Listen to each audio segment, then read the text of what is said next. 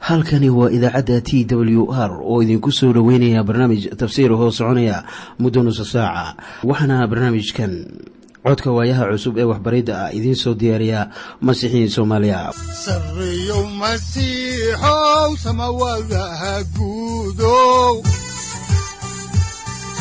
Siraadkii adduunkow subanaha eebow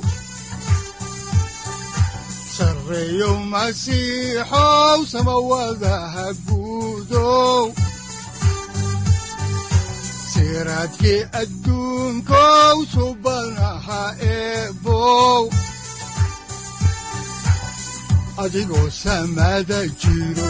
ifkan soo saldhiganba adigoo jiro ifkan soo saldhiganba kutubtiisanaye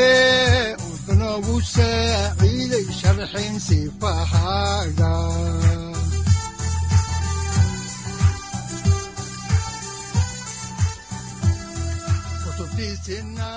ku soo dhowaada dhegaystayaal barnaamijkeenna dhammaantiinba. Waxaan horay u sii ambaqaadi doonnaa daraasaadkii la magac baxay baibalka dhammaantii. Waxaannu idiin sii wadi doonnaa kitaabkii yeshuuca oo ka mid ah ahdigii hore. Yeshuuca wuxuu ahaa hoggaamiyihii reer banu israa'iil kadib markii nebi muuse uu geeriyooday waxaannu caawa horay idinku sii wadi doonnaa cutubka labaad oo aynu kaga gudbi doonno kan saddexaad iyo kan afraad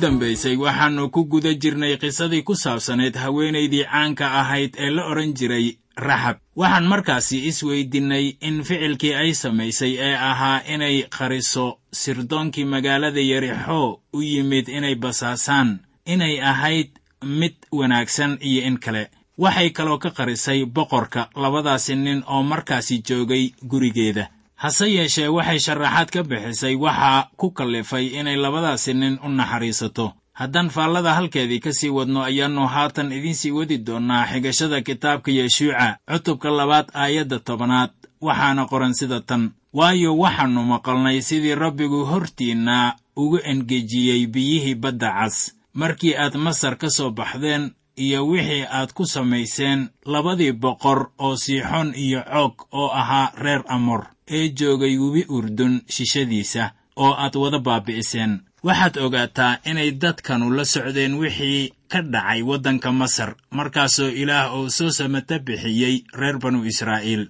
Waxaanay naagtanu ay leedahay waxaannu maqalnay sidii rabbigu hortiinna uu ugu engejiyey biyihii badda cas haddaba goormo ayay taasu dhacday. Waxay dhacday muddo wakhtigaasi isaga ah laga joogay afartan sannadood ka hor. Afartankaasi sannadood ilaah wuxuu siiyey dadkan reer kancaan wakhti ay isaga ugu soo leexdaan. Sidee baannu taasu ku ogaanaynaa? Waxaan taasu ku ogaanaynaa markaan eegno qorniinka oo aan indha-indhayno kitaabka bilowgii. Markaasoo ilaah uu ku lahaa nebi ibraahim farcankaagu waxay shisheeyayaal ku noqon doonaan dal qallaad oo buu yidhi oo iyagu qarniga afraad halkan bay ku soo noqon doonaan waayo dembigii reer amor weli ma dhamma. Waxaanay ku qoran tahay taasu kitaabka bilowgii oo ah kii koowaad ee nebi muuse cutubka shan iyo tobanaad aayadda lix iyo tobanaad. Markii ilaah sidaas uu lahaa waxaa markaasi reer kancaan ay welwelayaan laga joogaa afar boqol iyo labaatan sannadood. Markaan dhanka kale ka eegno ilaah wuxuu doonayaa inuu dadka reer kancaan siiyo afar boqol iyo labaatan sannadood si ay markaasi ku go'aansadaan haddii ay ilaah u soo leexanayaan xaggiisa iyo haddii kale. Kuwa doodaha ka dhiibta kitaabka quduuska ah ayaa waxay leeyihiin ilaah wax naxariis ah ma tusin reer kancaan marka ay sidaas tahay ayaan ku leeyahay kuwaas ilaah wuxuu siiyey reer kancaan afar boqol iyo labaatan sannadood inay dembiyadooda kaga toobad keenaan. Haddaba ilaah wakhti dheer buu siiyey reer kancaan laakiin dembigii ay ku jireen ayaa ku sii macaaday. Markaasay towbaddii seegeen seerigiina waa ku dhacay. Haatan mar kale ayaa ilaah uu siiyey afartan sannadood bal inay dembiyadooda ka soo noqdaan laakiin haddana wiishkii baa ku yeedhay waxay kaloo maqleen gacantii xoogga badnayd ee ilaah oo kaga soo samato bixiyey reer banu israa'iil dhulkii masar. Ilaah ma burburiyo dad aan isaga waxba ka ogayn marka hore wuu isku muujiyaa dabeetana wuxuu siiyaa fursad ay isaga ugu soo noqdaan. Su'aasha la weydin lahaa kuwa doodaha ka keena kitaabka quduuska ah ayaa waxay tahay ilaa iyo imise sannadood baa ilaah uu siin lahaa reer kancaan si aan loo burburin oo aan dhulkooda loo qabsan weliba ma ahan in ilaah uu ka duwanaa sidii uu ahaa wakhtigan axdiga cusub. Ilaah waa kii joogay wakhtigii axdigii hore oo isagu isma beddelin weliba masiixu wuu caddeeyey in kuwa diida ay aadi doonaan cadaab. Miyay haddaba idinka nexinaysaa inaad maqashaan wakhtigan ay dadku ilbaxeen inay cadaabi jirto? Mar kasta ee xukun uu dhaco ayaa dadka oo dhaniba ay qirayaan in ilaah wakhti ama fursad uu siiyey qoladii xukunka uu ku dhacay. Waxaan idinku leeyahay ilaah waa naxariis badan yahay. Cadhana wuu u gaabiyaa. Waxaa haatan laga joogaa laba kun oo sannadood markii warka ku saabsan injiilka uu dunida ku fiday. Welina waxaa jiray kuwo badan oo aan rumaysnayn. Ilaa iyo imisa sannadood baa dooni lahayd in ilaah uu ina siiyo si aannu ugu toobad keenno wuxuu dunida siiyey wakhti dheer si ay masiixa ugu yimaadaan haddaba haweenaydii raxab ahayd waxay tidhi waannu maqalnay maxay maqashay? Waxay maqashay sidii ilaah reer banu israa'iil uu kaga soo samato bixiyey dhulkii masriyiinta. Bal eeg haddaba sidii ay kaga jawaabtay waxa ay labada nin u samaynayso. Waxaannu iminka eegaynaa kitaabka yeshuuca cutubka labaad aayadda kow iyo tobanaad waxaana qoran sida tan oo isla markii aannu maqalnay ayaannu dhalaalnay oo idinka daraaddiin ninna xoog kuma hadhin maxaa yeelay rabbiga ilaahiinna ahu waa ilaaha samada sare iyo dhulka hooseba jooga. Ma ahan inay maqleen warkan oo keliya laakiin waxay garanayeen in hadalku uu run ahaa. Welibana dadkaas ilaah uma ayan soo leexan. Haddaba waxaa jira dad fara badan maanta oo garanaya taariikh ahaan in ciise uu dhintay oo la aasay oo la sara kiciyey oo welibana aan la badbaadin. Maxaa haddaba adiga ku badbaadinaya? Waxa ku badbaadinaya waxa weeye kalsoonida aad ku qabto isaga inuu yahay badbaadiyahaaga shakhsi ahaaneed. Waana inaan isaga la leennahay xidhiir shakhsi ahaaneed. Haddaba weli war baa u dhiman raxab oo waxay leedahay sida ku qoran cutubka labaad aayadaha laba iyo toban ilaa afar iyo toban sida tan. Haddaba sidaas daraaddeed waan idin baryayaaye rabbiga iigu dhaarta inaad reerka aabbahay ugu roonaanaysaan sidaan idinku roonaaday oo kale oo isiiya calaamo run ah iyo inaad badbaadinaysaan aabbahay iyo hooyaday iyo walaalahay iyo waxay haystaan oo dhan iyo inaad naftayda dhimasho ka samata bixinaysaan. Markaasaa nimankii waxay naagtii ku yidhaahdeen naftayadu waxay u bixi doontaa tiinna. Haddaydnan sheegin xaalkayaga oo markii rabbigu dalkana siiyo roonaan iyo daacadnimo ayaannu kugula macaamiloon doonnaa. Ma ahan oo keliya inay rumaysan tahay in reer banu israa'iil uu la socdo ilaah xoog badan laakiin rumaysadkaasi ayay ficil ka dhigaysaa iminka. Taasina waa sababta ay nolosheeda khatar u gelinayso. Markaasoo ay difaacayso sirdoonka ama basaasyada cadowga reer kancaan waxay maqashay waxyaabaha ku saabsan gacanta weyn ee ilaaha reer banu israa'iil. Wayna rumaysatay markaasay ficil ka dhigtay rumaysadkeedii. Waxaasoo kale ayaa la yidhaahdaa haddaba dhegaystow badbaado. Markii aad maqasho injiilka ayaa warka wanaagsan ee ku saabsan waxa masiixu uu ku sameeyey. Ayaa lagaa doonayaa inaadan rumaynin oo keliya taariikhdaas. Laakiin inaad rumaysato masiixa ayaa lagaa doonayaa markaana haweenaydan waxay kalsooni buuxda ku qabtaa in ilaah uu siin doono dhul. Waxay u soo jeesatay ilaaha baaqiga ah ee ah kan jira ee jooga. Waxaa markaasi laga qoray raxab erayadan sida ku qoran warqaddii cibraaniyada baalka saddex boqol afar iyo sagaashan ee axdiga cusub. Cutubka kow iyo tobanaad aayadda kow iyo soddonaad waxaana qoran sida tan. Dhiladii raxab rumaysadkeedii aawadiis lama ay halligmin kuwii caasiyiinta ahaa maxaa yeelay basaasyadii bay nabad ku soo dhowaysay basaasyada ayaa ka ballanqaaday inay badbaadinayaan iyada iyo qoyskeeda oo dhan ee la jooga gurigeeda. Marka yarexoo la soo weeraro. Haddaan horay idinku sii wadno xigashada ayaannu eegaynaa kitaabka yeshuuca cutubka labaad aayadda siddeed iyo tobanaad.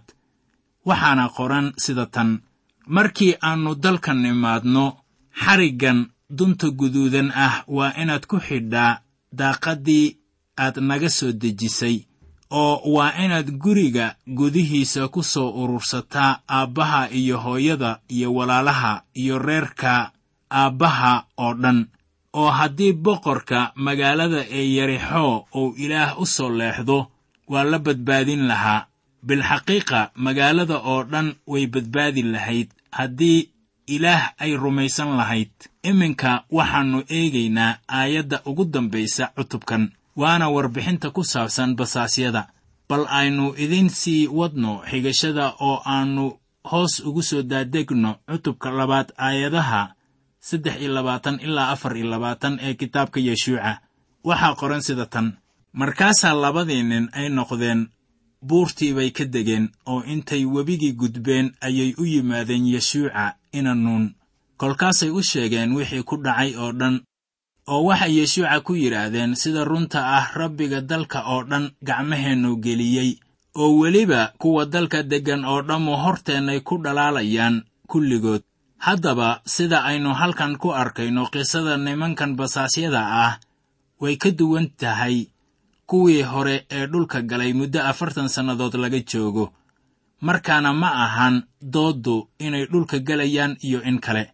Dhulka way gelayaan oo marka ay leeyihiin kuwa dalka deggan oo dhammu horteennay ku dhalaalayaan kulligood ayaa waxaa cad inay warbixintaasi ka heleen raxab waxaannu iminka soo gaarnay cutubka saddexaad ee kitaabkii yeshuuca baalka laba boqol iyo toddobaatan iyo afar ee ahdigii hore mawduuca uu ka hadlayo cutubkani waa mid waxaana weeye maaddada ka hadlaysa sidii looga gudbiyey reer banu israa'iil webigan urdun.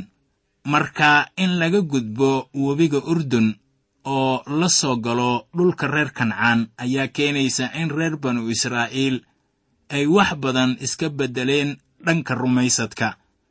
Afartan sannadood ka hor wakhtigaasi reer banu israa'iil xaalad caynkan oo kale ah ayaa la hor keenay laakiin way ku guuldarraysteen markan in cidlada siinaay la dhex maro iyadoo laga soo gudbayo badda cas ayaa waxay qaadanaysaa rumaysad. Haddaba in dhulka reer kancaan la galo iyadoo laga soo gudbayo webi urdun ayaa qaadanaysa wax ka badan rumaysad oo keliya. Waayo haddii mar aad ka soo gudubto webiga ayaanay kuwa gudbayaa helaynin. Fursad ay kaga fakari karaan cadaawahooda isla marka ay webiga ka soo gudbaan ayaa laga doonayaa inay dagaal kala hor yimaadaan cadowgooda. Oo wata gaarifardoodyo waxaanay ku jiraan magaalooyin dayr leh. Quruntan oo dhan ayaa tallaabadan si wadajir ah u qaaday si ay dhammaantood ilaah ugu go'aan haddaan horay idinku sii wadno xigashada ayaannu haatan idin akhriyaynaa. Kitaabka yeshuuca cutubka saddexaad aayadaha kow ilaa afar. Waxaana qoran sida tan. Markaasaa yeshuuca wuxuu kacay aroor hore oo shitiim way ka guureen oo webi urdun yimaadeen. Isagii iyo reer banu israa'iil oo dhan oo halkaasay degeen intaanay gudbin ka hor. Oo saddex maalmood dabadeed saraakiishii xeraday dhex mareen oo waxay dadkii ku amreen oo ay ku yidhaahdeen markaad aragtaan sanduuqii axdiga rabbiga ilaahiinna ah iyo wadaaddada reer laawi oo isaga sida waa inaad meeshiinna ka guurtaan oo daba gashaan isaga oo weliba waa in meel bannaan oo qiyaasteedu ay dhan tahay laba kun oo dhudhun idin dhexaysaa idinka iyo sanduuqa ha u soo dhowaanina isaga si aad u ogaataan jidkii aad mari lahaydeen. Waayo idinku hadda ka hor ma aydnaan marin jidkan. Ilaah wuxuu ku amrayaa yeshuuca iyo reer banu israa'iil inay ka gudbaan webi urdun. Markii ay kor maraan webi urdun xaalku waa ka duwanaanayaa sidii ay ahayd wakhtigii ay ka gudbayeen badda cas. Markii ay ka gudbayeen badda cas nebi muuse ayaa biyaha dhex galay markaasuu biyihii ku dhuftay ushiisii. Habeenkaas oo dhan biyihii gadaal bay u baxayeen laakiin markii ay ka soo gudbayeen webi urdun. Waxaa dhacday mucjiso weyn waayo xilligu wuxuu ahaa xilliga roobka oo waxaa jiray fatahaad badan. Markaas ay ka gudbayeen webiga ayaa waxaa istaagay biyihii socday oo ku darmanayay badda mowtan ama the dead sea. Waxaa kaloo meeshii yimid wax cusub. Sanduuqa maragga ayaa loo hoggaaminayaa oo dadku waxay ka daba soconayaan sanduuqa ay sidaan niman reer laawi ah waxayna u jirsanayaan ilaa iyo saddex kun oo fiit. Markii ay ka gudbayaan webiga ayay dhex istaagayaan bartamaha. Haddaan horay idinku sii ambaqaadno cutubka saddexaad ee kitaabkii yeshuuca ayaa waxaa ku qoran aayadda shan iyo tobanaad sida tan oo markii kuwa sanduuqa sida ay soo gaareen webi urdun oo wadaaddada sida sanduuqa ay cagahoodu galeen biyaha qaarkood waayo xilliga waxgoosashada oo dhan webi urdun qarkiisa oo dhan buu buux dhaafaa. Markii wadaaddadu ay soo gaaraan girgirrada webi urdun ayaa biyihii ay gurayaan.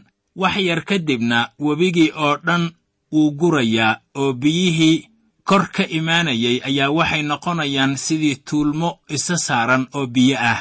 Dadkiina waxay mareen meel qallalan. Waxaa halkaasi ka dhacday mucjiso aad u weyn oo laynoogu kaydiyey qorniinka waxaana lagu jiray xilliga guga. Wakhtigaas ay ka gudbayaan webi urdun. Xilligan waa marka webigu uu fataho markaana qolyihii degganaa daanta galbeed waxay la ahayd inay wakhti dheer qaadanayso inay reer banu israa'iil u soo gudbaan dhanka kale. Waxaa markaasi ay dareemeen inaanay jirin khatar dhow oo ku soo food lahayd balse cabsi way jirtay. Waayo waxay garanayeen in dadkan iminka dhanka kale taagan ay soo gudbeen badda cas afartan sannadood ka hor. Haddaan horay idinku sii wadno xigashada oo aan soo gunaanadno cutubkan saddexaad ayaa waxaan eegaynaa kitaabkii yeshuuca aayadaha lix iyo toban ilaa toddoba iyo toban. Si markaa aad hagaag ugu garataan aayadaha ayaannu ka soo bilaabaynaa qaybo ka mid ah aayadda shan iyo tobanaad ilaa iyo aayadda toddobiyo tobanaad. Waxaana qoran sida tan.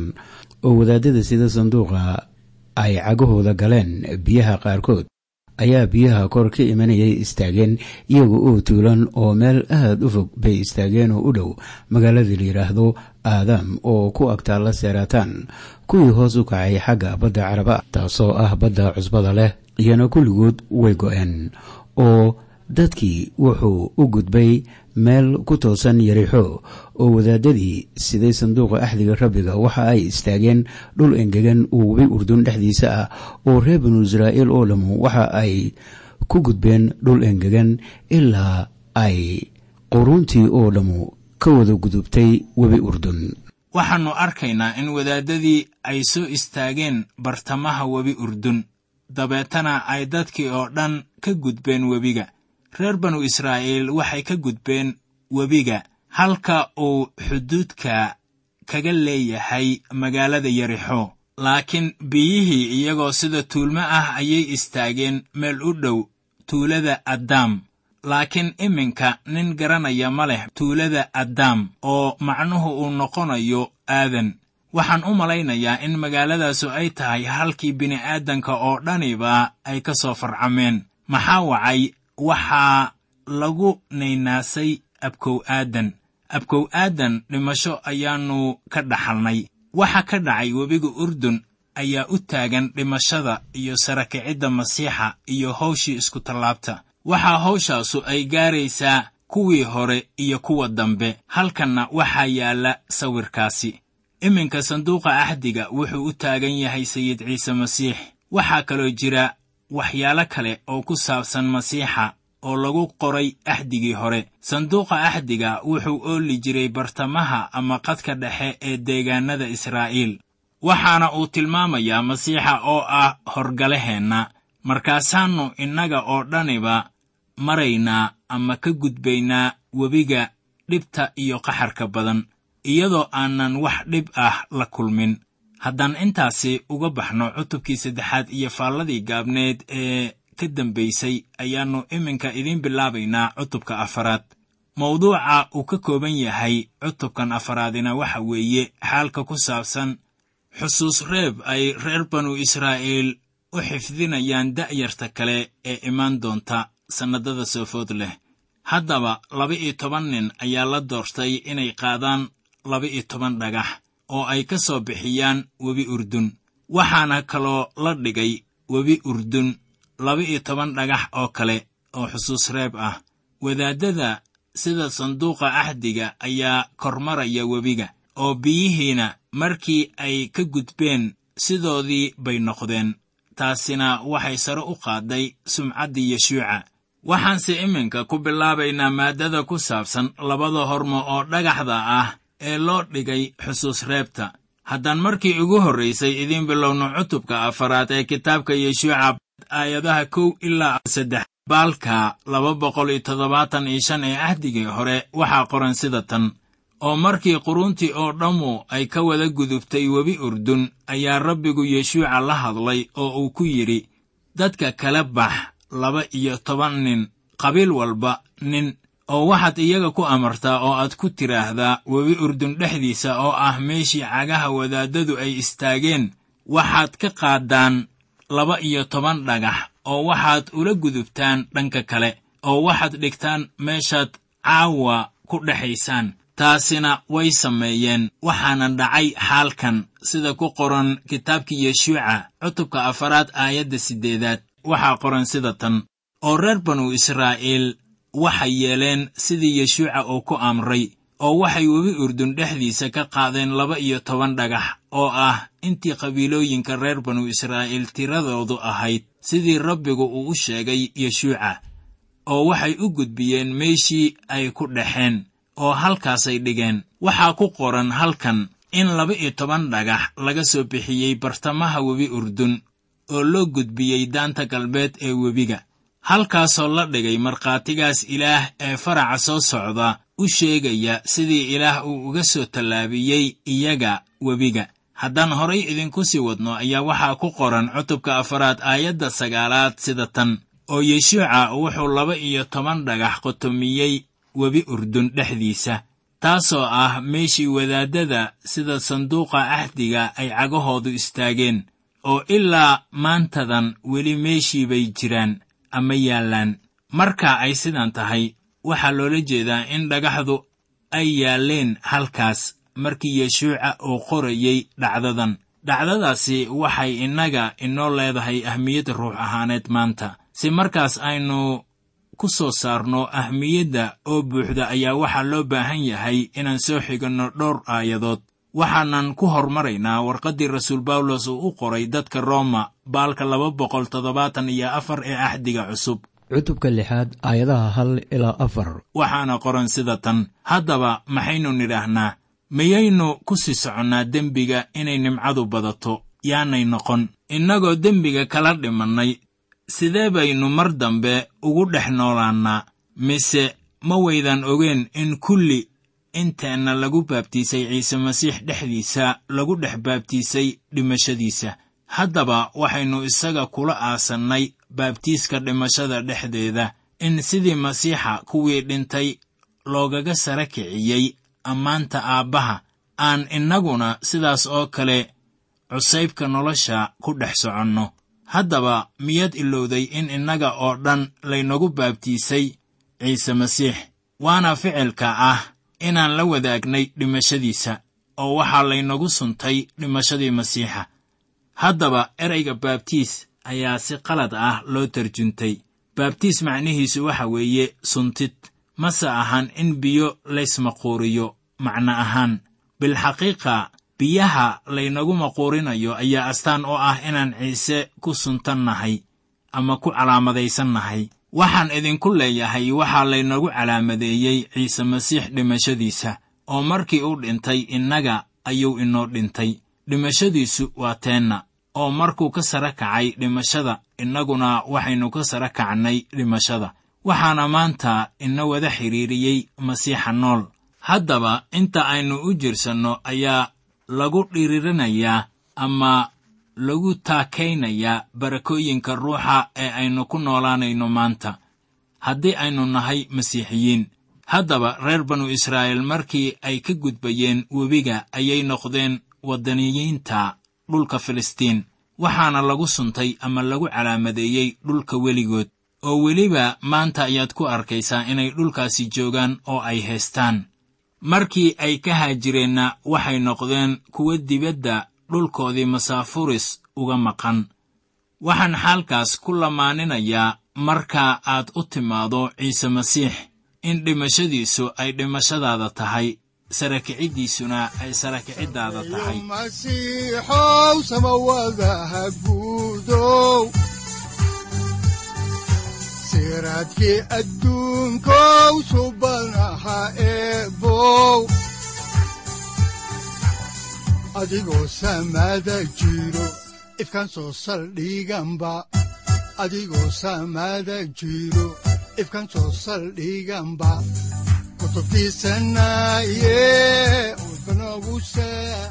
halkani waa t w r idaacadda t w r oo idinku leh ilaa ha idin barakeeyo oo ha idinku anfaco wixii aad caawi ka maqasheen barnaamijka. Waxaa barnaamijkan oo kalea aad ka maqli doontaan habeen dambe hadahan oo kale haddiise aad doonaysaan in aad fikirkiina ka dhiibataan wixii aad caawi maqasheen ayaad nagala soo xiriiri kartaan som t w r at t w r c o k e haddii aad doonaysaan in aad dejiisataan oo kaydsataan barnaamijka ama aad mar kale dhegaysataan fadlan mar kale booqo www t w r o r g amase www t t b t w r o r g. Amase waxaad teleefoonkaaga ku kaydsataa ama ku download garaysataa agabyada ku sahli karaa dhegeysiga t w r haddii aad doonayso in laga kaalmeeyo dhinacyada fahamka kitaabka amase aad u baahan tahay duco fadlan fariimahaaga soo mari bogga aaraahda ama kommentska inana jawaab degdeg ah ayaanu ku soo diri doonaa amase ku siin doonaaye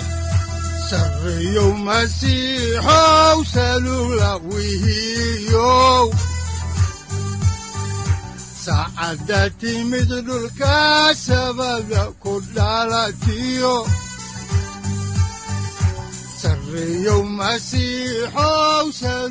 halkani waa t w r oo idiin rajaynaya habeen baraare iyo barwaaqaba leh inta aynu ka gaari doono wakhti aynu ku kulanno barnaamij la mida kan caawayay aad maqasheen. Waxa aan idinku leeyahay nabadda ciise masiix ha idinku badato xagga jidhka iyo ruuxaba. Aamiin